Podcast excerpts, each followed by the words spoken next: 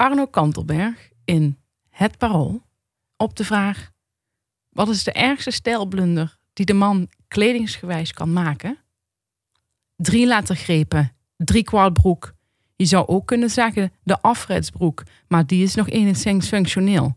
De driekwart broek ruïneert het silhouet en het silhouet is nou eenmaal de heilige graal qua kleding. Het is ook een kruisbestuiving tussen broek en drager. Het is, zo zegt de stelpastoor, een zonde. Inspirerend.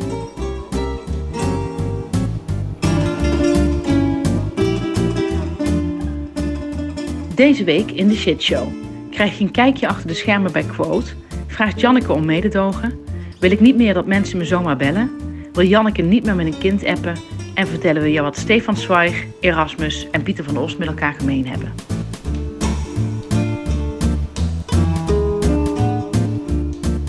Een goede podcast is als therapie. Je kunt er al je shit kwijt.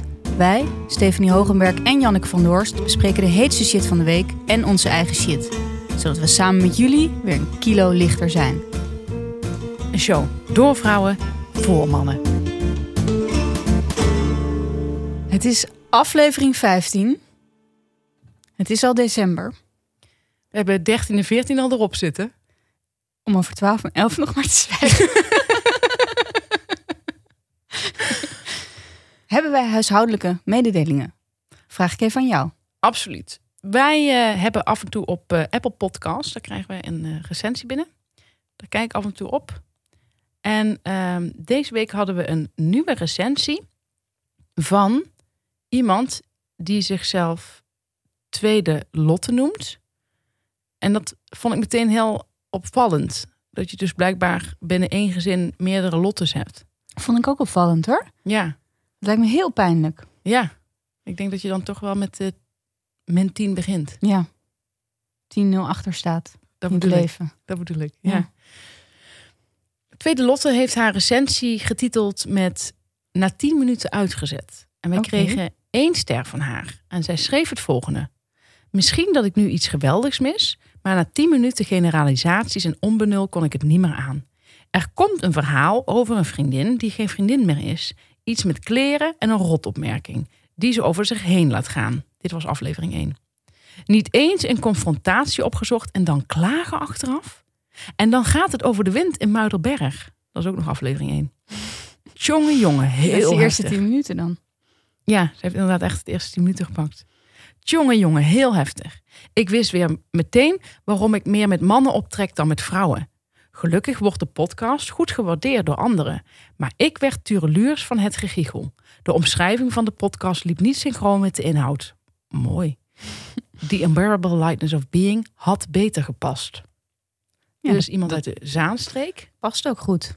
Vind ik ook mooi gezegd Ik eigenlijk. vind dat heel mooi gezegd. Ik wist ook niet dat... dat, dat- ja, het is wel iemand die eh, een bepaalde know-how heeft. Ja, zeker. Dat is ook wel heel mooi dat ze het etaleert zo. Ik vind het ook bijzonder dat ze na 10 minuten al zo'n ja, epistel schrijft. Ja, Echt een recensie schrijft over onze, onze podcast. ja. Ze heeft dat toch wel eh, met, met zorg ehm, aan zitten schrijven. Ja. Dat zie je ook wel. Ze heeft ook goede interpunctie en zo gebruikt. Ja. Dus daar heb ik eigenlijk niks op aan te merken. De unbearable, unbearable lightness of being vind ik een compliment. Ik ook. Dat is precies, precies wat wij eh, met deze show willen uitdragen. Ja. Ehm, waar, ik, waar ik persoonlijk een beetje over viel was dat ze zei... ik weet meteen weer waarom ik meer met mannen optrek dan met vrouwen. Ja. Daar heeft ze een verkeerde afslag genomen. Waar ik eh, een andere afslag neem dan Lotte... is bij het feit dat ze liever met mannen optrekt dan met vrouwen. En dat is een heel bijzonder soort vrouw... dat me- me liever met mannen optrekt dan met, met vrouwen. Dat is een soort vrouw dat van zichzelf zegt... I'm one of the guys. Ja. I am one of the guys. Ja, ja ik heb daar ook ervaring mee. En ik, ik heb nou, heb natuurlijk een studie gemaakt. En dat soort vrouwen zijn vaak vrouwen die zelf zo ongelooflijk veel moeite hebben om zich tussen vrouwen te begeven. Niet omdat zij zo mannelijk zijn, maar juist omdat ze zoveel eigenschappen die ze aan vrouwen toedichten zelf hebben. Ja, exact. Ja, ik, ik heb er een paar ontmoet die dit over zichzelf zeiden. Zeiden van, ja, ik, heb, ik, ik ga alleen maar met mannen om. Je hebt natuurlijk vrouwen die geen vrienden hebben, überhaupt niet. Dat is een ander, ander soort vrouw. Ja, die zetten we even apart. Die zetten we even apart. Daar kan, kan van alles tussen zitten. Maar de vrouw die alleen maar mannenvrienden heeft, of haar beste vrienden zijn allemaal mannen, dat is een bepaald soort vrouw. Dus een vrouw heeft A, vaak heel veel aandacht nodig. Ja. Is er een andere vrouw in de groep en krijgt die misschien ook een beetje aandacht, dan hebben zij een kutavond. Ja. En het zijn vaak vrouwen die snel problemen opzoeken of problemen krijgen. En eh, omdat mannen daar nou eenmaal wat milder op reageren, denken zij dat vrouwen vervelend zijn. Terwijl niet die andere vrouwen het probleem zijn, maar zijzelf. Ja, dat vind ik heel mooi gezegd. Heb jij En- nog iets aan toe te voegen? Ja, ik heb daar ook nog iets aan toe te voegen. Ik moet altijd denken aan een uitspraak van mijn vader. En die zei, die heeft mij al heel vroeg geleerd. Vrouwen zonder vriendinnen zijn heel gevaarlijk. Ja, En, Onderschrijf ik. ja, en daar ben ik ook achter gekomen. Eh, ik zou bijna willen zeggen spelenderwijs, maar het was eh, heel... ehm, Oorlogsgewijs. ja, het was, eh, het, was, het was niet leuk. Ik had een ex-bazin, die zei ook van zichzelf dat ze niet goed lag bij vrouwen. Dat ze daarom ook niet veel vrouwelijke vriendschappen had. En eerst dacht ik nog, wat gek, want ik vond haar heel leuk. Om er een half jaar later achter te komen dat ik met een knettergek persoon te maken had. En toen dacht ik, oh, wacht eens eventjes. Dit is wat mijn vader bedoelt met een vrouw zonder vriendinnen. Een heel, heel eh, giftig soort vrouw. Mhm. En wat ik daar ook nog over wil zeggen is dat eh, zo'n soort vrouw ook denkt dat zij iemand is die zelf geen jaloerse gevoelens heeft. Mhm. Dat is wat ze eigenlijk ook een beetje zegt. En ik heb zo'n vrouw ontmoet, pak een beet vijf jaar geleden. En die zei ook van zichzelf: Ja, ik ben nooit jaloers. Grappig, hè? zei ze nog. En ik dacht, ik zei, ik zei nog zoiets van hem, maar ik zeg: dat, dat kan toch gewoon? Dat heb je toch wel eens? Nee, dat kende zij niet. En ehm, ik ben in een vriendinnengroep van haar beland. En zij kende dat allemaal niet, zeiden ze. En met die vrouwen ben ik, in een, ben ik gewoon, ik ben regelrecht in een slangenkuil gestapt. Ik heb helemaal geen goede ervaring met dit soort vrouwen. Van dit soort vrouwen blijf ik heel ver weg. Ik ook. Dus tweede Lotte. Want ik weet niet hoe oud je bent. Je klonk niet heel oud. Dat is soms gek hè? Om, om, iemand te schatten puur op het geschreven woord van hoe oud iemand is. Maar ik gokte haar eigenlijk dat ze jonger was dan wij. In Zeker. Ja, ieder geval zeker. jonger dan ik. Ik denk dat zij eh 29, 30 is. Nee, 30 denk ik nog niet. Ik denk dat ze 29 is. Oh, ik had er begin 30 geschat. Maar goed, eh, ik denk niet dat tweede Lotte nog luistert. Dus tweede Lotte, ga alsjeblieft in therapie. Het is nog niet te laat. Je kunt nog 180 graden bijdraaien. Ja, ik had ooit een, eh, een jongen en die was eh, verliefd op mij. En die zei tegen mij: Janneke, jij bent echt one of the guys. En ik dacht, ik kan me van een biertje houden. En ik kan me van voetbal houden. En ik kan me van een goede grap houden. Maar ik ben absoluut niet one of the guys. Wacht maar tot je een relatie met me hebt. Mooi gezegd. Verder hebben we nog een huishoudelijke mededeling, want we hebben in aflevering 13 gezegd dat we het niet zo leuk vonden dat onze vrienden niet onze post likten op Instagram, maar dat we wel zagen dat zij onze stories bekeken. Ja, dus dat ze actief zijn. Precies. En er waren een paar mensen die tegen mij zeiden van ja, maar ik reageer niet op een story, want dat vind ik echt een reactie geven. Ehm, nou, er waren zo'n beetje wat, wat eh, Onduidelijkheden. onduidelijkheden over. over Wat wij nou precies bedoelden. Eh, dus zij denken dat ze op stories van ons moeten reageren. Daar gaat het helemaal niet om. Daar gaat het helemaal niet om. Dat bedoelen wij niet. Wij bedoelen, wij posten iets op Instagram. Dat wordt niet geliked door bepaalde mensen. Die bepaalde mensen zien wel dat wij een story plaatsen die 24 uur blijft staan en waarvan je kunt zien wie erop heeft gekeken. Dat bekijken ze allemaal. Maar ze zullen dus niet een hele goede recensie die we in trouw kregen over de shitshow. Die, die eh, liken zij niet. Ja. Dus ze zitten wel op Instagram act- actief, maar dat gaan ze niet liken. Dus daarvan zeiden wij, dat vinden wij op afgunst lijken. Ja. Dat riekt naar afgunst. Daar zeiden wij iets van. Ja. We bedoelen niet dat je allemaal hartjes ogen moet gaan geven op het moment dat wij een story plaatsen. vuur, vuurtjes. Vuurtjes, honderdjes. haarvuurtjes. Maar ik had, ik had zelf natuurlijk nog een ander punt daarin. Dat ik dan eh, mensen die blijkbaar alles volgen wat ik doe, daar nooit iets over zeggen in het echt. Dat ik dat ook vervelend vond. Ja. Ehm, dus het waren eigenlijk twee dingen Oh ja. waar we het over hadden. Ja. En het ging er eigenlijk om asociaal eh, social gedrag. Ja. Dat is wel heel mooi. Heb je Ja. daar lang over nagedacht? en wat ik nog wil zeggen is dat eh, mensen aan mij vroegen van hoe doe je dat dan? Dat je iets over een vriendin zegt in de shitshow en eh, die luistert dat dan misschien. Nou, één. Ik hoor van sommige mensen niks over de shitshow. Dus dan voel ik me vrij om te zeggen wat ik wil. Dat is één. Mhm. Twee is, je hebt eh, cirkels in eh, vriendschappen. Dus je hebt de A-cirkel. Ja. Daar zit die Inner. de inner circle, daar zitten je beste vrienden in. Dan heb je daarnaast nog een ring. En daarnaast nog een ring. En daarnaast nog een ring. Sommige mensen noemen dat kennissen. Ik noem dat gewoon gemakzuchtig vrienden, omdat ik kennissen een beetje een ouderwets woord vind. Oké. Is Nee. dan ook duidelijk. Als heeft Stef het over vrienden, Ja, kan, kan, kan ook het zijn dat jij dat kennissen zou noemen. Precies, kan zijn dat iemand de, in de C-cirkel zit. Ja. Dus het is niet zo dat ik mijn beste vrienden opeens voor het hoofd stoot of van alles hierover zit te roepen. Die vriendin die Katja Schuurman liked en mij niet, die zit zeg maar, die is opgeschoven naar de E-cirkel. Ja. die bestaat ook. Dat is verder niemand. In de E-cirkel, Zit zij Eh, er eentje, ja. daar dolt ze in een eentje rond in een... Zij had deze week een post geplaatst. Echt wel he- heel erg leuk nieuws. Heb ik geliked. Met een hele leuke felicitatie eronder. Vind ik gewoon zo volwassen ook van jou. Vanuit het hart. Daar leer ik van. Omdat ik dacht, dit is wat ik voel. Ik vind het leuk. Ik vind het jammer dat ze nooit iets van mij liked. Maar ik doe het wel terug. Ja. Dat is hoe ik doe. Mooi, mooi mens ben jij. Dankjewel, Jannie.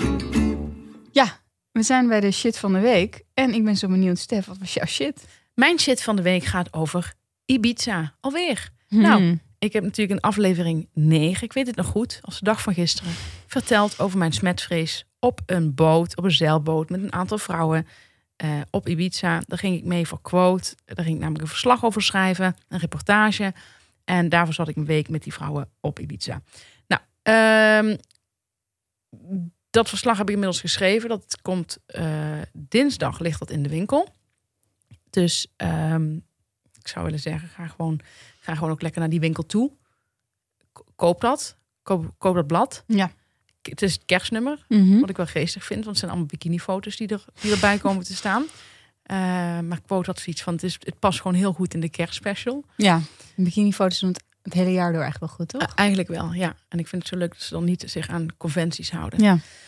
Dus koop dat blad bij de Betere Albert Heijn en, ehm, en, en, en lees het verslag. Ehm, maar wat ik wil zeggen erover is dat de shit van de week van mij is dat ik eh, ontzettend veel gedoe had met de afronding van dit verslag. Dus ik had het verslag geschreven.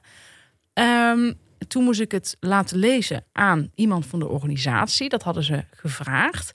De hoofdredacteur heeft dat karwei van mij overgenomen. Dus die heeft het stuk naar de organisatie gestuurd. Want de organisatie die had er een beetje een hard hoofd in of dat wel een leuk stuk ging worden. Omdat ze mij eerder eh, van de boot af zagen stappen dan de bedoeling was. dus die voelde nattigheid. En ik zeg tegen de hoofdredacteur, stuur jij het maar naar eh, die mensen toe en dan, dan horen we het wel. Nou, daarop kwam de volgende mail. Het is misschien ook leuk voor de mensen om een keer een kijkje aan de achterkant te krijgen. Hè? Dat het allemaal dat inhoud, Ja. schrijf van een artikel. Precies, en dat het niet zonder slag of stoot gaat. Nou, de organisatie schreef terug. Beste Paul, de hoofdredacteur heet Paul. Dank dat je ons vast een voorproefje laat lezen van het verslag. Daar moet nog wel heel erg flink, geschaafd, geslepen en gepoetst aan worden om daar een behoorlijk artikel van te maken. Feitelijke onwaarheden moeten we maar niet aan beginnen. Het zal allemaal wel, het negatieve eenzijdige karakter, geschreven door een journaliste die wel erg tevreden moet zijn met zichzelf. Zal er niet door veranderen. Gekke zin. Waar ik wel echt een probleem in zie, en dus ook weggepoetst wil zien worden, zijn de vergezochte insinuaties over drugsgebruik. Als stuitend voorbeeld wordt er melding gemaakt van het feit dat bij het weinige licht in het restaurant die pupillen nogal groot waren. Het lijkt me onnodig te vermelden, maar dat is wat pupillen doen bij weinig licht. Echt walgelijk en wel heel vergezocht, net als de andere kinderlijke, ins- kinderlijke insinuaties. Dit kan alleen maar door iemand geschreven worden die blijkbaar niets vermeldingswaardig heeft aangetroffen om over te schrijven. en daarbij ook nog als doel heeft gesteld om een negatief beeld te schetsen over onze regatta. Ik had de ijdele hoop dat iemand die gratis mee mocht varen, alleen voor het eten werd betaald, een positieve stuk zou schrijven of op zijn minst geen valse insinuaties zou gaan bedenken. Tegen zeeziekte raad ik Stefanie aan voortaan de azijnfles te laten staan. Ik had helemaal geen azijnfles gehad. Nee, wat gek. Het was gewoon vanuit mijn hart. Ik heb Ja. vanuit mijn hart geschreven En overgegeven. en overgegeven. Wij zijn al ruim tien jaar met hart en ziel bezig om een mooi evenement te organiseren. En dat is het volgens velen ook. Ronduit egoïstisch en asociaal is het om op deze manier verslag van ons te willen doen en ons op die manier te schaden. Blijkbaar is dit de manier waarop Quote meent om te moeten gaan met een paar eerlijke ondernemers. Mijn verzoek is om dit echt verslechte verslag niet te plaatsen. Nu komt het. Dit is het mooiste van alles. In het positieve zouden wij dan wellicht kunnen gaan adverteren. Want ik denk dat onze doelgroep wel onder jullie lezers valt. In het negatieve wens ik Quote een snel einde toe. Ik zal kijken hoe ik daar dan aan kan bijdragen. Door wat bevriende adverteerders op onder andere gedachten te brengen. Om zo het laatste setje te geven. PS, mijn compagnon, Piep, zal je ook nog mailen met wat mogelijke praktische aanpassingen. Met vriendelijke groet, with kind regards, cordial saludo. en dan de naam. Nou, daar waren we toch wel twee weken zoet mee. Mhm. Maar we, hebben het, eh, ja, we, zijn er toch, we zijn toch samen door een deur gekomen. De hoofdredacteur heeft namelijk naar waarheid tegen deze man gezegd... ik denk dat jij gewoon heel snel uitverkocht bent volgend jaar voor deze regatta. Mhm. Ehm, zo werkt het wel vaak. Dat weten die mensen dan nog niet, maar dat is wel vaak zo. Sommige mensen zullen denken, wat ontzettend leuk. Drugs. Drugs, ja, Ja. bikinis, Ja. water, Ja, precies. Ibiza. Dus, dus daar maakten wij ons, eh, we voelden ons totaal niet schuldig erover. En ehm, hier zijn nog acht mails overheen gegaan verder. Mhm. Ehm, Het klinkt als een eh ja, best wel een proleet dit. Dat soort van dreigen en zalven. En zijn Jij vriendjes aanspreken. Ja, Jij jij, zegt zegt het. het. Ik, ik zeg het, dus ik kan het ook zeggen. Ja. Ik heb er niks mee te maken, maar dit klinkt niet als iemand met wie ik op date zou willen. nee, maar je houdt ook niet van krulletjes, toch?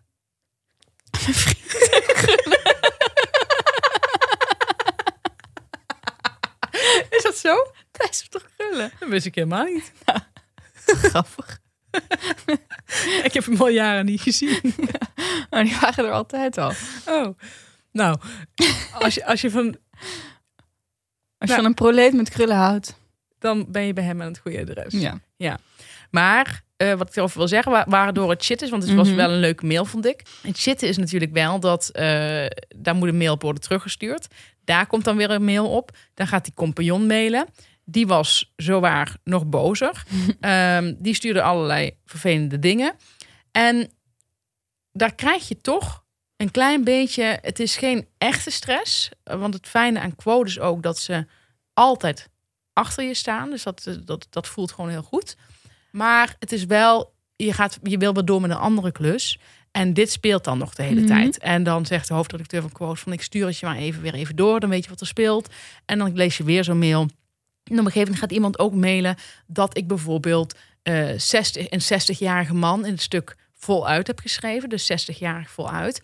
Maar dat de rest van de getallen, de cijfers, tussen haakjes in cijfers staan Mhm. dat, dat zijn dan dingen die mij dan echt irriteren. Dat ik echt denk dat iemand zich daar nog mee gaat bemoeien. Nou ja, dus eh, uiteindelijk is het toch Een gewoon roerige week. Ja, zei je boerig of roe- Roerig. roerig? Roerig. week. Niet hoerig, niet boerig. Ja, een roerige week was het inderdaad. Eh, nou, dus dinsdag ligt het in de winkel. Kan iedereen lekker meegenieten. Dan ziet iedereen hoe roerig de week op Ibiza was. Ja. En hoerig ook. Ja. En, ehm, en boerig. en boerig ook, zeker. Ja, dat is allemaal van toepassing. Ehm, Ja, ik verheug En me ik- enorm op dit stuk. Ja, en ik hoop vooral dat, ik, dat, het, dat het daarmee dan ook zeg maar afgedaan is. Dat ik niet nog. Dat er nog, nog een Dat zaakje denk ik komt. niet. Dat denk ik niet. Ik weet Ik denk niet. wel dat er nog wel wat reacties komen van mensen die daar ook aanwezig waren, maar niet direct betrokken waren bij deze ehm, nou ja, mailwisseling. Ja, ik heb wel geprobeerd iedereen zo anoniem mogelijk op te voeren door alleen een voornaam te gebruiken en alleen Een leeftijd en een een leeftijd cupmaat. en een cupmaat. Wat was jouw shit van de week? Nou, mijn shit van de week is niet mijn eigen shit. Ehm, ook wel een beetje. Shit appropriation.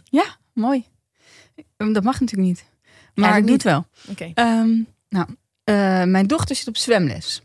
Nou, zoals de meeste mensen nu al we- weten, wonen wij in een dorp. Dat dorp heet Muidenberg.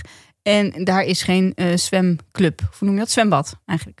Dus daar kun je geen zwemles hebben. Dus je moet kiezen waar je zwemles gaat hebben. En toen hadden we eh, met de moeder van een andere vriend, of met een vriendin van mijn dochter besloten om naar Almere te gaan. Ik heb niet zoveel op met Almere. Nee. We hebben eh, niet Was zo... dat, was dat die plek waar jij mij laatst bent komen ophalen toen we naar een eh, Ja. optreden moesten? Ja, dat is Almere. Dat is wel heftig. En, ehm, maar ik dacht, ja, wat maakt het uit? Zwemles met een vriendinnetje, prima. Daar ben ik een beetje in vergist. Dus je komt in, in, ehm, in Almere en daar, die, die zwemclub, dat is ongelooflijk veel white trash. Mag ik dat zo zeggen? Weet ik niet. Oké. ik denk het wel. Doe het maar. Ja, ik, ik, ik vind dat vervelend. Het is een, een vervelend soort eh, mensen waarvan je in eerste instantie denkt... ja, het zijn ook mensen, maar van de tweede instantie gewoon denkt... "S- sterf. Een soort eh, tweede lotte, maar dan, eh, maar dan anders. Ja, nee, het is, het, is, het is gewoon heftig. Het zijn heftige mensen. Het is, ehm, er zitten ook leuke mensen natuurlijk bij. Er is altijd een vader, die komt met zijn babytje. En met het jongetje, dit is een grappig jongetje. Die ging laatst met een ander kindje weer heel lief spelen. En denk, ja, dat vind ik nou echt een schattige kinderen en een schattige meneer. Maar deze vrouw is de vrouw, eigenlijk altijd als ik haar zie, is zij mij als moeder op mijn allerergst. Begrijp je? Ze sleept altijd twee kinderen achter eraan in een soort furie. En ze is altijd vrij eh, nou ja, eh, geprikkeld. Ja. Waar dan ook over. Dus altijd iets wat haar prikkelt om eh, in woede uit te barsten. Zij mag hier in de shitshow zo aans- aanschuiven. Ja, zij, zij, zij zou wel kunnen aanschuiven wat dat betreft. En ehm, ja, ze straalt echt een beetje uit van... niemand slaapt mijn kind behalve ik. Oké. Weet je wel? En ehm, zij is elke keer heel boos over de coronamaatregelen. Volgens mij is ze wel, eh, is ze wel gevaccineerd verder, maar ze kan zich daar ontzettend eh, luidruchtig over opwinden. Nu moet ik zeggen, de zwemvereniging is kloten. Het is echt een kutzwembad. Ik krijg nooit een mailtje terug als ik iets vraag. Alles komt in mijn spam. En als je dat dan niet leest, dan is het je eigen schuld. Terwijl ze zelf weten dat alles in spam be- belandt. Dat weten ze inmiddels. Alles van hun belandt in de spam. Eh, ze zijn niet bijzonder vriendelijk. Ehm, ik heb geen enkele band met die mensen. Ik weet niet hoe dat normaal gaat hoor, in zwemles. Maar ik had altijd wel een ander beeld bij zwemles. Ik ken die mensen niet die mijn kind lesgeven. Heeft ook met corona te maken. Ik herinner me van mijn eigen kindertijd niets vriendelijks rondom zwembaden. Mm. Ja, het is, het is ook een soort, soort potige vrouw die dat doet. Zijn ze kogelstoter of zijn ze zwemlerares? Je weet het niet precies. Luistert heel nauw. Ehm, Brede En- schouders allebei. heel breed. En ehm, ja, het, is een vervelende plek om te zijn, laat ik het zo zeggen. Maar dan komt die vrouw binnen en die is altijd boos. Vreselijk boos over alles. Dus nu hadden we een mailtje gekregen door de coronamaatregelen mag je niet meer na vijf zwemmen. Ehm, dus hebben ze nu één keer in de twee weken heb je nu zwemles op een vroeger tijdstip. Die vrouw kwam op het oude tijdstip binnen. En ik hoor een geschil achter mij. En ik kijk om en het is die vrouw. Ik denk, oh, wat zou er nou weer zijn? En ik ben hier keurig op tijd. Keurig op tijd. God, ja, die gaat helemaal uit de plaat. En lekker? Sleurt die kinderen. het of, of niet? Nou, wat ik, er, wat ik er zo shit aan vind, is dat ik gewoon het idee heb dat zij ehm, zoveel shit in zich heeft. En daar moet ze iets aan doen. Want het is te veel. Ze is eigenlijk altijd op het puntje van uitbarsten. En ik wil voor die vrouw gewoon, ik zou haar wat rust gunnen. In haar lichaam. En die kinderen ook. Ja. Dus altijd als ik haar zie, denk ik, oh, wat zou er nou weer aan de hand zijn? Er is altijd weer iets. Ze is altijd boos. Is altijd, is altijd iets aan de hand. Ik weet niet of ze een slecht huwelijk heeft. Of misschien is ze alleenstaande moeder. Ik heb geen idee. Maar ze vindt ook altijd dat ze heel erg in de recht staat. Zo'n vrouw ook. Mm. Ze is altijd aan het schreeuwen. En ze heeft ook vaak wel een puntje. Maar ik zou dan dat net iets anders oplossen. Mhm. Dus wat ik alleen maar wil zeggen, zie je zo'n vrouw om je heen, zie je een man om je heen die zoveel eh, nou ja, shit lijkt te hebben, knijp een oogje toe en gelach is vriendelijk naar die persoon. Ik heb dat laatst ook gedaan bij haar. En toen, wat gebeurde Nou, dat, dat, dat kwam wel aan, had ik het idee. Ja? Ja. Ontvouwde zich er een gesprek? Zij eh, was weer aan het. eh, we stonden in de, in de, te wachten in de rij. Want er was ook weer een hele rare regeling met wie, hoe, wanneer in dat zwembad mocht zijn. En we stonden te wachten. En toen zei ze dat ze een mail had gekregen dat als ze nog één keer zo tekeer ging bij dat zwembad, dat ze niet meer binnen mocht komen. Ze zei toen: ze zeggen dat ik hun bedreigd heb. Toen heb ik gezegd: dat was geen bedreiging, heb ik gezegd. Zei ze: zie je wel, zie je wel. En toen was ze heel blij met mij. Toen dacht ik, nou, voorlopig word ik door haar niet geslagen. Misschien nu wel.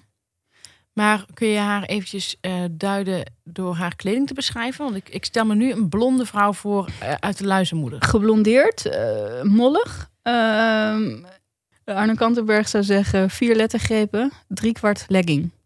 Oké, Heb je een beeld? ja, heb ik een beeld. En is die eh, wit of zwart? Zwart. Oh, dat valt reuze mee. Ja, dat valt reuze mee. Een leuke oversize eh, shirt eroverheen. dan zie je de putten niet zo goed in. Maar goed, ik dacht opeens van, eh, weet je, die vrouw heeft pas shit. Ja, Weet je, en dan heb ik het Mooi. inderdaad over de wind in Muidenberg. mededogen, compassie. Daar gaat het eigenlijk En over. hier is echt shit aan de Deze, gang. deze kerst. Dus eh, zet hem op. Vrouw in je driekwart lekking. Mooi. Mooi toegeëigend. Dankjewel. Nou, nu zijn we alweer bij onze favoriete rubriek van de week. En dat is de app die wij verklaren. Een man krijgt een app van een vrouw. Of een vrouw krijgt een app van een vrouw. Dat zou ook nog kunnen. Wij leggen uit wat er staat. De subtekst. Wat er echt staat. Ene Marcel zegt... Jeetje. Of die krijgt deze app van een vrouw. Jeetje, ik vind het gewoon moeilijk om te zeggen. Als ik voor een date zou gaan, had ik je zeker een kans gegeven. Want valt eigenlijk niet op uiterlijk, maar op innerlijk. Dat is ook bijzonder. Maar aangezien ik voor een seksdate ga, is de inhoud niet super belangrijk. Ik ben niet op zoek naar een relatie momenteel. Nou, Marcel vraagt: Wat moet ik hiermee? Nou, dit is een soort omgekeerde app die we normaal, krijgen dan die we normaal krijgen. Deze vrouw wil gewoon een lekkere gozer. En ze vindt hem niet lekker. En hij zou reuze aardig zijn, maar het interesseert haar niet. Nou, je hebt, je hebt wel van het waarheidsserum gedronken, lijkt wel.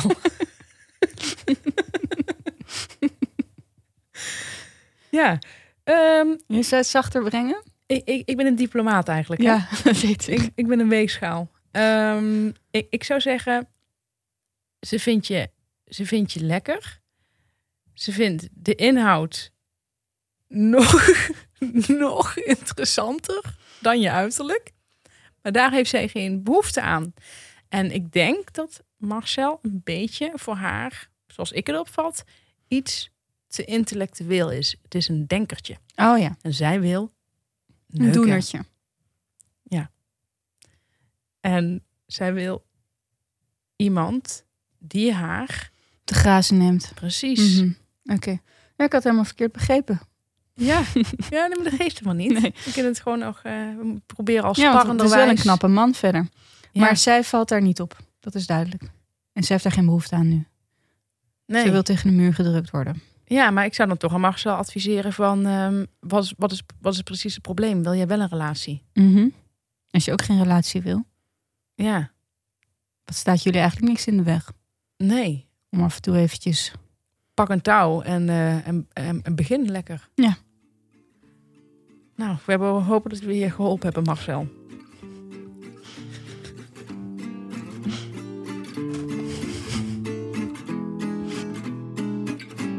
Had jij nog een eh, ergernis deze week?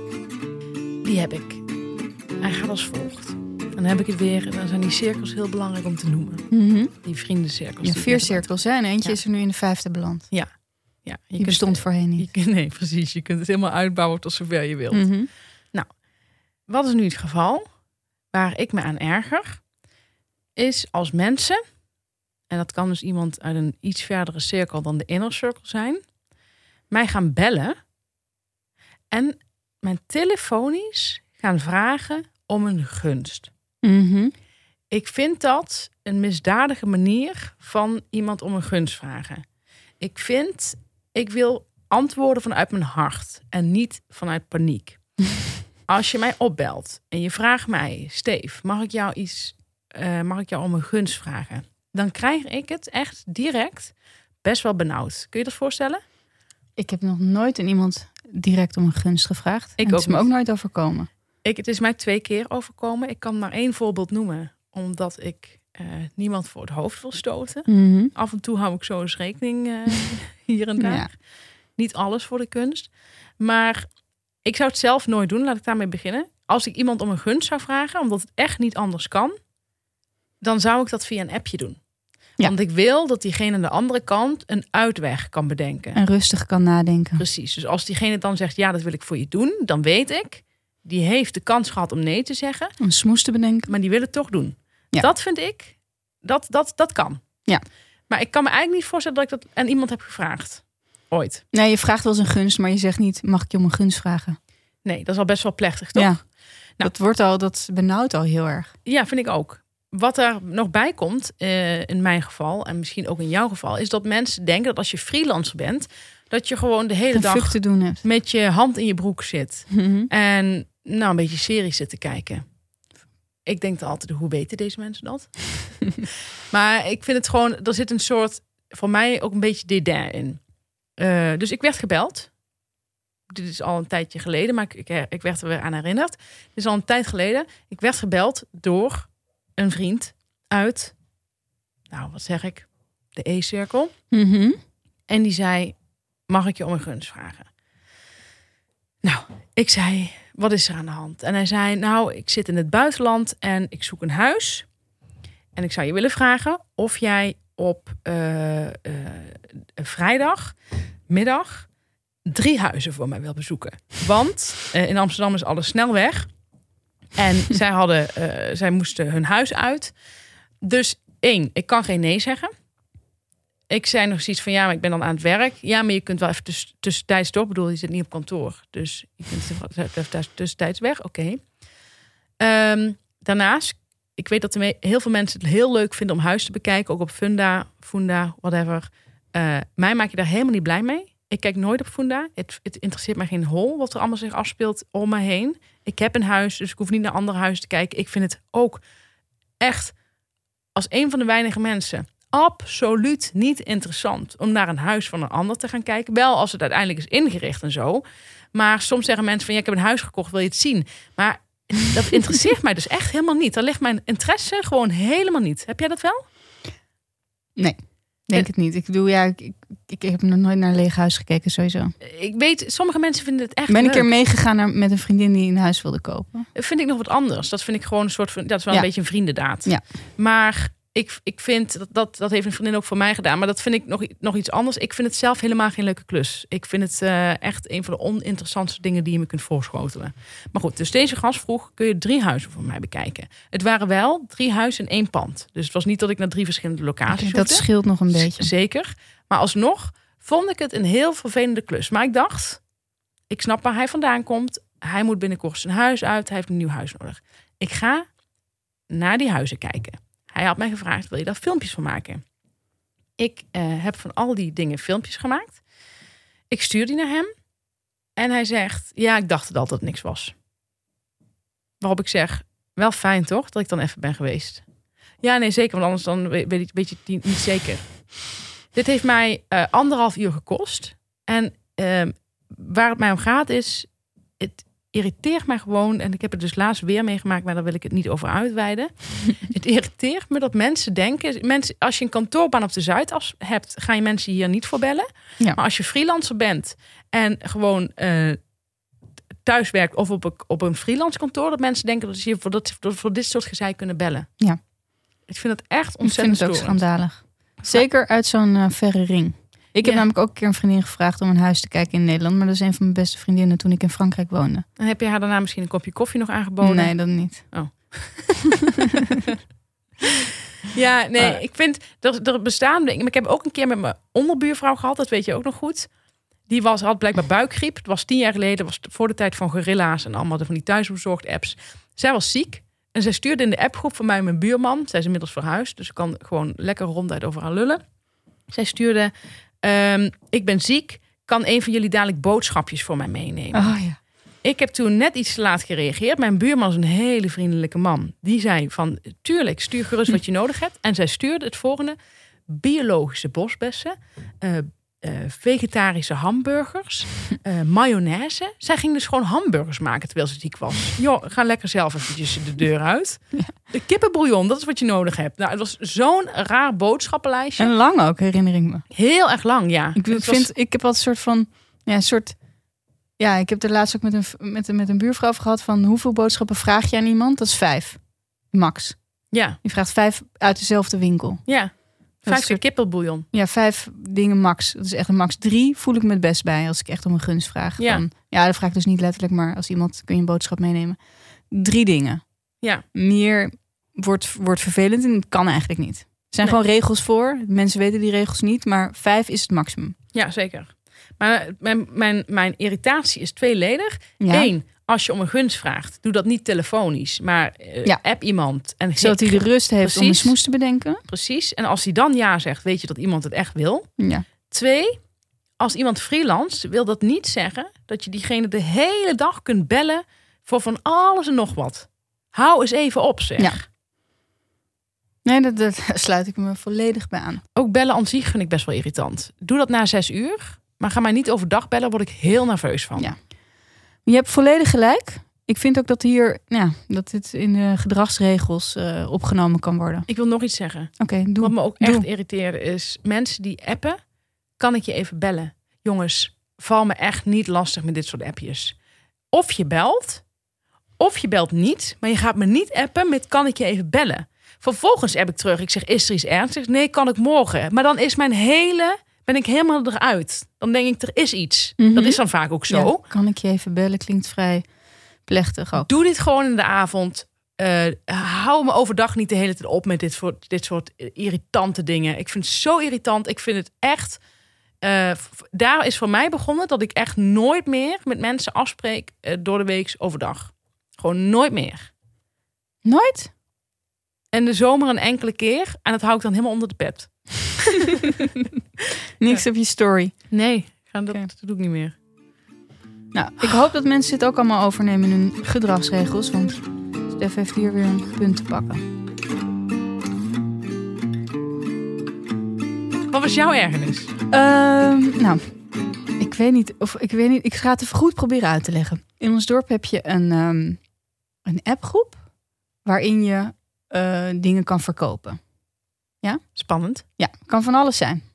Maar vaak is het iets voor kinderen. Speelgoed, kleren, dingen waar je vanaf wil voor een klein prijsje. Minder spannend. Ja, er zijn- is niet zoveel spannends aan. Het is ook een vrij, ja, het is verder geen spannende appgroep. Ik krijg er heel veel appjes van. Eh, maar af en toe staat er iets bij van, oké, dat is leuk. Nou had ik iets gekocht, had ik gezegd, dat wil ik wel hebben. Was iets van Playmobil voor mijn zoontje. Toen zei, kreeg ik een appje van die vrouw privé. En die zei, mijn zoontje ha- handelt het nu verder af. Haar Ja. zoontje is denk ik negen Een kind nog. een kind. Dus het was mijn be- de bedoeling dat ik met dat zoontje ging appen. Van negen. Een jongetje dat ik niet ken. Moest er ook nog onderhandeld worden. Nee, hoefde niet meer onderhandeld worden. De, de prijs was klaar. Dat was allemaal goed. En ehm, ik moest dus met het jongetje gaan appen wanneer ik dat zou ophalen. En ik zit natuurlijk met slaaptijden van hem. Dan- Slapen die nog? Nou, s'avonds. Oh. Ik was op een gegeven moment, nou, ik ging een shitje opnemen. Ik dacht, dan kom ik daarna even. Ik ben rond negen uur terug of half tien. Dus ik, dat is waarschijnlijk te laat voor jou. Nou, dan krijg je uren niks, want het kind is op school. Oh, s ochtends was het. Ja, overdag. Oké. En dan eh, antwoordt dat kind weer. En ik begrijp heel het idee. Ik zie die moeder helemaal voor me. Ik zag ook het soort huis. Had ik ook een soort beeld bij. Zijn moeder denkt, nou laat hem dat lekker zelf doen. Dan kan hij dat goed leren. Ja. Hij wil dat verkopen. Hij wil daar geld voor. Weet je, ik laat hem dat lekker zelf lekker oplossen. Maar ik ben de dupe. Want ik moet met een kind van negen zitten appen. En ik weet niet 100% zeker of ik nou met hem app of met die moeder. Want er zat nooit een spelfout in. Vind ik Oh. wonderlijk. Het waren hele nette zinnen en hij foefailleerde. En ik dacht, ja, waar heb ik nou mee te maken? Dus ik, voel, ik had er helemaal geen zin meer daarin. Daar krijg ik heel veel... eh heb ik geen zin in. Ik wil gewoon even gemakkelijk, even kunnen we even appen. En waar Eh, ging het over? Iets van Playmobil. Oh, sorry, dat zei je. Ja, dat maakt verder ook helemaal niet uit. Ehm, en toen dacht ik, dit wil ik niet meer. Ik ga niet appen met een onbekend kind. En dat die moeder zich dan zogenaamd niet be- bemoeit. Maar ze leest natuurlijk alles, want het gaat via haar telefoon. Dus Ja. je kan ook niet gewoon even lekker privé appen met dit kind. Nee, geen, Eh, geen sexting. En ik kan helemaal niet met je flirten. Ehm, en, eh, eh, ja, en het is haar idee dan. Want dan denkt ze van, ik laat het hem regelen. Maar ondertussen zet zij het wel in zo'n groep. En regelt zij dat wel. En vervolgens moeten we dat dan afhandelen met zo'n kind. Nou, ik vond het heel vervelend. Toen gegeven kwam ik hem tegen in de supermarkt. Toen heb ik tegen hem gezegd van... hé, hey, jij bent toch dat jongetje van... Nee. Ik kom het dan, is het goed als ik het dan en dan kom ophalen? Hij schrok er helemaal van. Maar het was goed, het was een vriendelijk kind. Heb het later opgehaald. Ehm heb het buiten gezet voor mij. Want Ik zei toen nog van als je het ergens een buitenplekje hebt. Want ik, ik vind het gewoon fijn om het even op te halen wanneer het uitkomt. En niet een specifiek tijdstip. Want dan krijg ik ook altijd heel veel stress. Ja. Dan heb je weer iets nieuws waar je aan, aan moet denken. ken het, ja. En iedereen heeft hier toch voortuinen en weet ik veel wat. Zet het even droog. ja. Maar goed, er stond het echt zo eh, vol in, eh, in op een plek waar het zou kunnen regenen. Maar dat maakt verder niet uit. Maar ik denk, ik wil niet appen met een kind. Nee. Eh, en zeker niet met een kind dat ik niet ken. Ik denk dat heel veel mensen zich herkennen. in dit Ja, ik denk het ook. Ik denk dat heel veel mensen hierop aan gaan slaan. Want het is iets wat natuurlijk heel veel gebeurt. Ja, Van die moeders en vaders die dan denken... En hier komen hele rare verhalen van. ja, en dan Dus krijg laten- jij natuurlijk, wat is dat ik een vrouw ben. Precies. Maar stel nou dat mijn, mijn, mijn man dit had opgepakt. Dat ik dan zei, oké, dan mijn man regelt dit verder. Precies. Ja, de rapen raar. Ja, precies. Vrouwelijke MeToo bestaat ook, hè? Ja, dat weet ik ook. Dat had ik ook kunnen doen. Maar Een film die daarover gaat, die heel goed is, is eh, Queen of Hearts. Ja. misschien wel leuk om te vertellen. Tot, die, tot die tijd dacht ik, hoe ziet een vrouwelijke MeToo eruit? Wat wil een vrouw doen dan? Wat wil ze doen dan? Totdat ik die film zag. En ik kan er echt niet over uit. Maar dat is echt een van de beste films die ik in jaren heb gezien. Ik heb zo meegeleefd toen ik in de bioscoop zat. Dat ik, ik leef sowieso best wel snel mee. Ook heel erg met reality series. Maar ik eh, wilde deze vrouw in de film echt ehm, met een bijl door midden splijten. Oké, Nou, dat heb ik niet vaak hoor. nee. Dat heb ik maar één keer in de maand.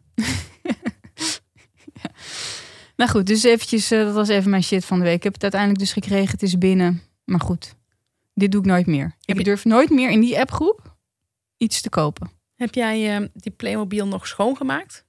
In een sopje gezet? En ik heb een het in een tas, want ik wilde het eh, voor kerst geven. Oh. Dus als mijn zoontje van drie dit hoort, dan eh, weet hij al wat hij krijgt. Maar er, zit geen, eh, er zitten geen snotplekken nog op en zo. Nee, het was wel schoon. Het was ook een heel net huis en zo. Ik zag het helemaal voor me. Dat wordt zo'n klein, eh, die wordt nu al een beetje gestoomd tot orde- ondernemertje. Nou, leuk. Ja, ontzettend leuk. Gaan we nog veel van horen van het kind.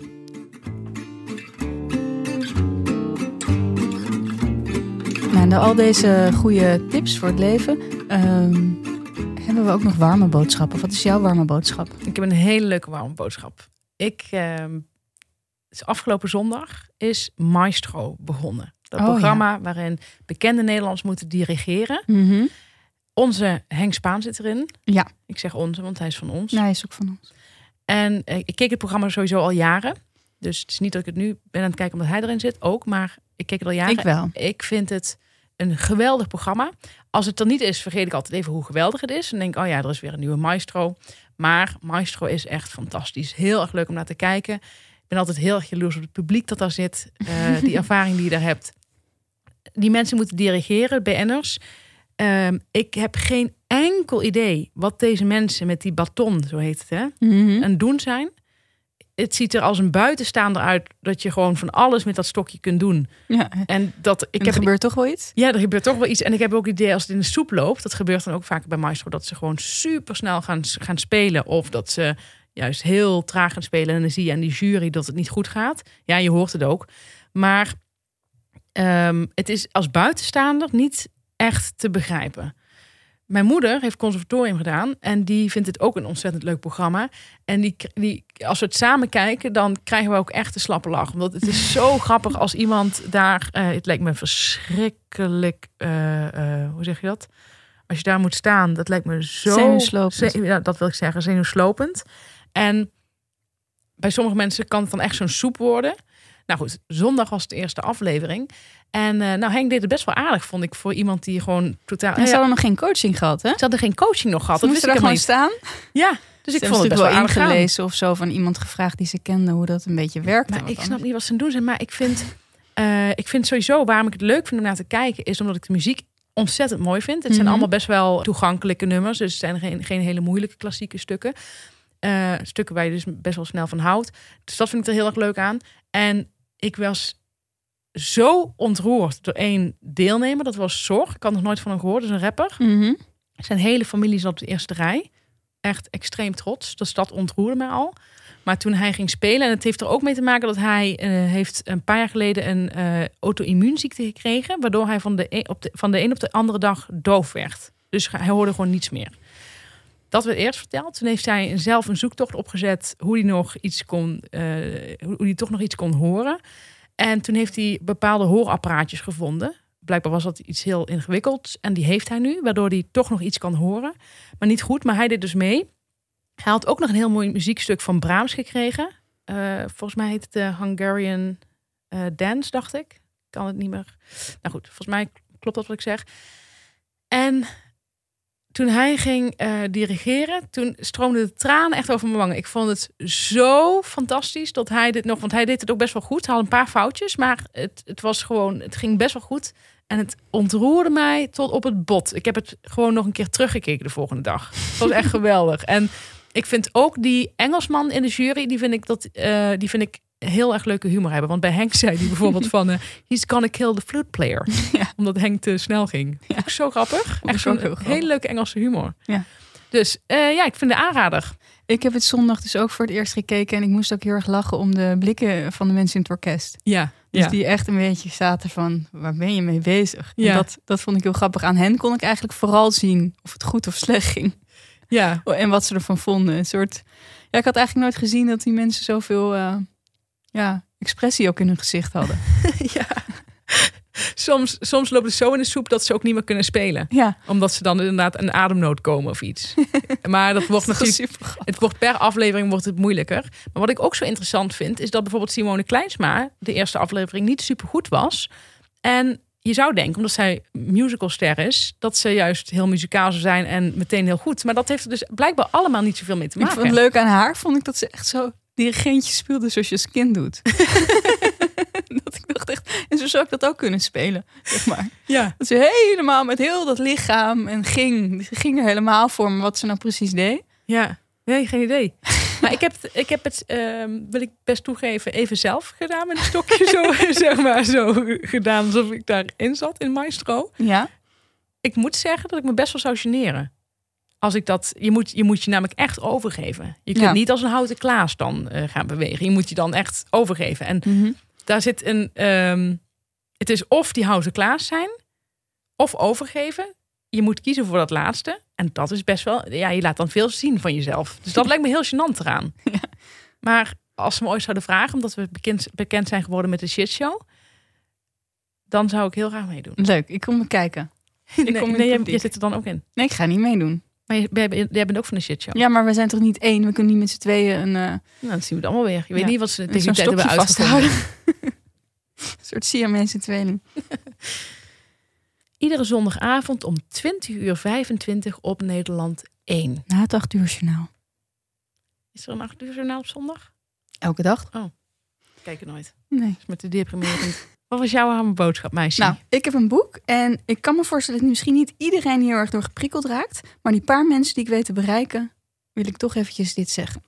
Ik heb het boek gekocht, Triomf en Tragiek van Erasmus van Rotterdam. Ik had nooit zo heel veel met Erasmus. Het kwam voornamelijk door het vrij hysterische eh, gedoe in Rotterdam, waar ze alles de naam van Erasmus geven. Ze hebben een brug, ze hebben een plein, ze hebben eh, Universiteit. een ziekenhuis. En eh, toen kwam ik eigenlijk achter, Erasmus heeft er maar drie jaar gewoond. ja, ik- over, over appropriation gesproken. Ja, precies. Komt het weer mooi terug. Ehm, ze noemden hem geef ik ook Erasmus van Rotterdammus. Dus dat is natuurlijk ook een beetje blijven hangen. En ehm, wat mij een beetje tegenstond toen ik dit ook las, dacht ik van oké, dus jullie gaan heel moeilijk doen in Rotterdam dat Eriksen geen jeugdproduct van Ajax zou zijn. Terwijl jullie zelf Erasmus, die maar drie jaar bij jullie heeft gewoond, enorm op een schild hijsen. En doen alsof hij totaal van jullie is. Ja. Ja. Daar hou ik gewoon niet zo van. Maar goed, dus Erasmus had nooit zo mijn interesse. Maar hoe kwam je dan aan, de, bo- aan het boek? Nou, omdat ik een boek ging kopen van eh, Stefan Zweig. Ik heb al een boek van hem, ander boek van hem. En dat is eh, De Wereld van Gisteren. En dat vond ik heel erg goed. En toen ging ik nog een boek van hem kopen. En toen dacht ik, toen heb ik dit erbij besteld. Gewoon zoals je dat soms doet. Oké. Het eh, trok me wel aan op de een of andere manier. Omdat ik gewoon benieuwd was wat hij daarover te schrijven had. Over deze Rotterdamse held. Oké. En eh, wat leuk aan dit boek is, vind ik, Stefan Zweig, ik vind hem heel goed. Die- Dat boek, dus dat Wereld van Gisteren, vind ik echt fantastisch. Ehm, en hij is ook romanschrijver. En op een of andere manier trekt hij mij helemaal, helemaal niet als romanschrijver. Ik heb geen enkele interesse om iets van fictie van hem te lezen. Ik vind hem heel erg goed hierin. En ik kan me voorstellen dat ik zijn fictie helemaal niet zo goed vind. Kan ik een beetje uit zijn non-fictie opmaken. Oh, echt waar? Ja.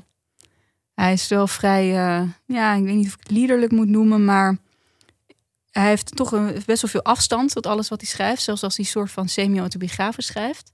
Ik denk dat, ik weet niet, ik kan me voorstellen dat ik zijn eh, fictie ook te afstandelijk kan vinden. Oké. Maar goed, ehm, Ik denk de hele tijd aan ehm, die gozer van, ehm, van het andere boek van de Tweede Wereldoorlog. Weet hij nou? Onze vriend Ja. die wij gemaakt hebben. Pieter Os. Pieter van Os. Ja, Ja. ja. Piet van Os is de Stefan Zweig van onze tijd. zo, zo stel ik het me voor. Pieter van Os. Ja, wat, welk boek heeft jij geschreven? Liever, Eh, liever dier dan mens. liever dier dan mens. Ja. Ja. En we hebben hem echt ontmoet. We hebben hem in het Kleine- echt ontmoet. Kleine man. Hij heeft een stukje ook geluisterd, denk ik ook tien minuten. Ja, heeft nooit meer iets laten weten. Nee, Nou, terwijl er zo'n eh klik was die avond. Ehm, maar wat ik er zo goed aan dit boek vind, is dus dat Stefan Zweig schrijft dit in de jaren dertig. Ehm eh, Stefan Zweig woonde toen in Oostenrijk, was van Joodse afkomst, dus het was een ontzettend roerige tijd voor hem. En dat lees je ook eigenlijk door de zinnen heen. Ja, en ook letterlijk bijna in de zinnen. Hij kijkt met de blik van wat er in zijn wereld gebeurt naar wat er in de wereld van Erasmus gebeurt. Oké. En hij omschrijft Erasmus als zo'n prettige persoon dat ik het echt jammer vind dat ik hem nooit gekend heb. Ja, Ik vind. Erasmus, hij omschrijft Erasmus als iemand die, ehm, nou ja, wat jij net zei over jezelf, omdat je een weegschaal bent. Diplomaat. Erasmus is echt een diplomaat. Hij dacht altijd na hoe hij iedereen een beetje te vriend kon houden, maar ondertussen wel zijn eigen weg kon gaan. Dat maakt hem wel interessant, want hij deed precies wat hij zelf wilde. En er, stonden, er staan een paar mooie dingen in en ik lees even een kort stukje voor. Ehm, en onbewust, dit gaat dus over Erasmus, onbewust is hij begonnen met de grote strijd die zijn leven kenmerkt tegen gebrek aan ontwikkeling, dwaasheid en ingebakken arrogantie. En dan staat er daarvoor nog, dus helemaal in het begin, Het is een heel klein stukje wat je voorlas. er staat nog een heel. ehm, er was maar één ding op aarde dat hij werkelijk haatte. Als de tegenpool van gezond verstand: fanatisme. Zelf allerminst een fanatiek mens, misschien niet geniaal, maar met een onvoorstelbaar brede kennis. Niet gelijk overdreven vriendelijk, maar rechtschapen en welwillend, zag Erasmus in iedere vorm van intolerantie de gezworen vijand van ons bestaan. Hij was ervan overtuigd dat praktisch ieder conflict tussen mensen en volkeren door wederzijds toegeven zonder geweld kon worden beslecht omdat ieder conflict toch op een menselijk vlak ligt. Bijna ieder conflict zou vergelijkenderwijs opgelost kunnen worden als doordrammers en overdrijvers maar niet altijd met een strak gespannen boog met elkaar in het strijdperk zouden treden. Aan alle halstarrigen en rechtlijnigen had hij een grondige hekel, of ze nu gehuld waren in priestergewaad of geleerde toga, aan mensen met oogkleppen voor of celoten van welke rang of stand dan ook, mensen die waar ook ter wereld slaafse gehoorzaamheid verlangden aan hun eigen standpunten, die iedere andere opvatting verachtelijk als ketterij of als misdaad bestempelen. Dat vond ik gewoon heel mooi bedacht van Ja. Erasmus. Ja. Zeker in die tijd. Nee, maar ik vind dat echt, ik, alles wat ik over hem lees, denk ik, lijkt me zo prettig om zo'n persoon te kennen. Zo redelijk en zo, zo rustig of zo in zijn denken. En ik heb dat zelf ook. Ik, dus ik zie het heel erg op Twitter. Er wordt altijd een soort van, soort, ook een soort eh, survival of the fittest of zo op Twitter. Hoe, hoe harder je scheelt, hoe mannelijker of vrouwelijker je bent, of hoe sexier je bent. Ik altijd, ja, die nuance altijd een beetje mis. Ik was heel blij met dat stuk van Arjen van Velen in NRC vorige week. Ja, ik begrijp ook dat je daar moet denken. Ja, dat was een goed stuk. Als mensen het niet kennen, Arjan van Velen, NRC. Ik weet even niet wat de titel van het stuk was. Het Ehm, ging over eh, wappies. Ja, dat we niet iedereen moeten wegzetten als wappies. Ja. Mensen die zich niet willen laten vaccineren. Ik vond het ontzettend goed, want en de term wappie stoort mij enorm. Ik vind het ehm, een hele makkelijke term. Dus ik vind er zit niet veel eh, creativiteit in. Nee, ook niet veel intelligentie achter. Of eh, ja, inderdaad, nu wat hij ook schrijft, zeg maar, er, zijn, er is een bepaalde groep waar we het steeds over hebben. Ja, En dat noemen we de wappie. ja, Maar er is een heel grote groep van mensen die zich om andere redenen niet laat eh, vaccineren. ja, precies. Dus dat, ja, dat vond ik echt een goed stuk. Ik zou dat echt aan iedereen willen aanraden ook. En mensen die we wel nog wappie mogen noemen, maar dan liever een andere term. Omdat ik de term zo ontzettend debiel vind. Maar ik vind Duitse is natuurlijk wel echt Helemaal van het padje af. helemaal van het padje af. Dat wordt gekker en gekker en gekker. Die meid is helemaal. We zien iemand gewoon knetter gek worden. Ja, we zien echt, je ziet het gebeuren voor je ogen. ik vind het zo In raar. stories. Dat, ja, ik vind het zo raar dat zowel eh, ook, ook een Lieke van Lexmond, die heeft dan een, een man.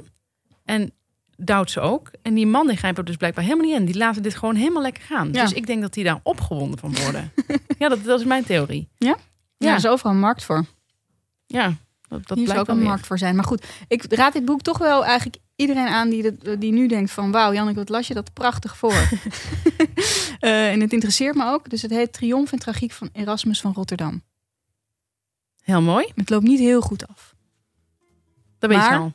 Maar zijn gedachtegoed moeten we denk ik koesteren. En ik wist dus heel weinig van Erasmus. Jij? Nee, ik wist alleen dat er een brug was. Nou, we zijn heel netjes in de tijd, Stef. Ik denk dat we het heel netjes weer hebben gedaan. Ehm, dit was aflevering 15. Volgende week weer aflevering 16. Het gaat gewoon door. Ehm, dus tot volgende week. En eh, bij vriendvandeshow.nl kun je een account aanmaken. En dan ga je naar de shitshow. En daar wacht tante Margreet op jullie. Ja. Om te vertellen waarom ze zo ontzettend fan is van Ilja Leonard Vijver. Ja. En ze heeft het ook over een jurkje dat ze in de winkel zag, dat ze graag wilde hebben. Ja. Dank voor het luisteren. Tot volgende week.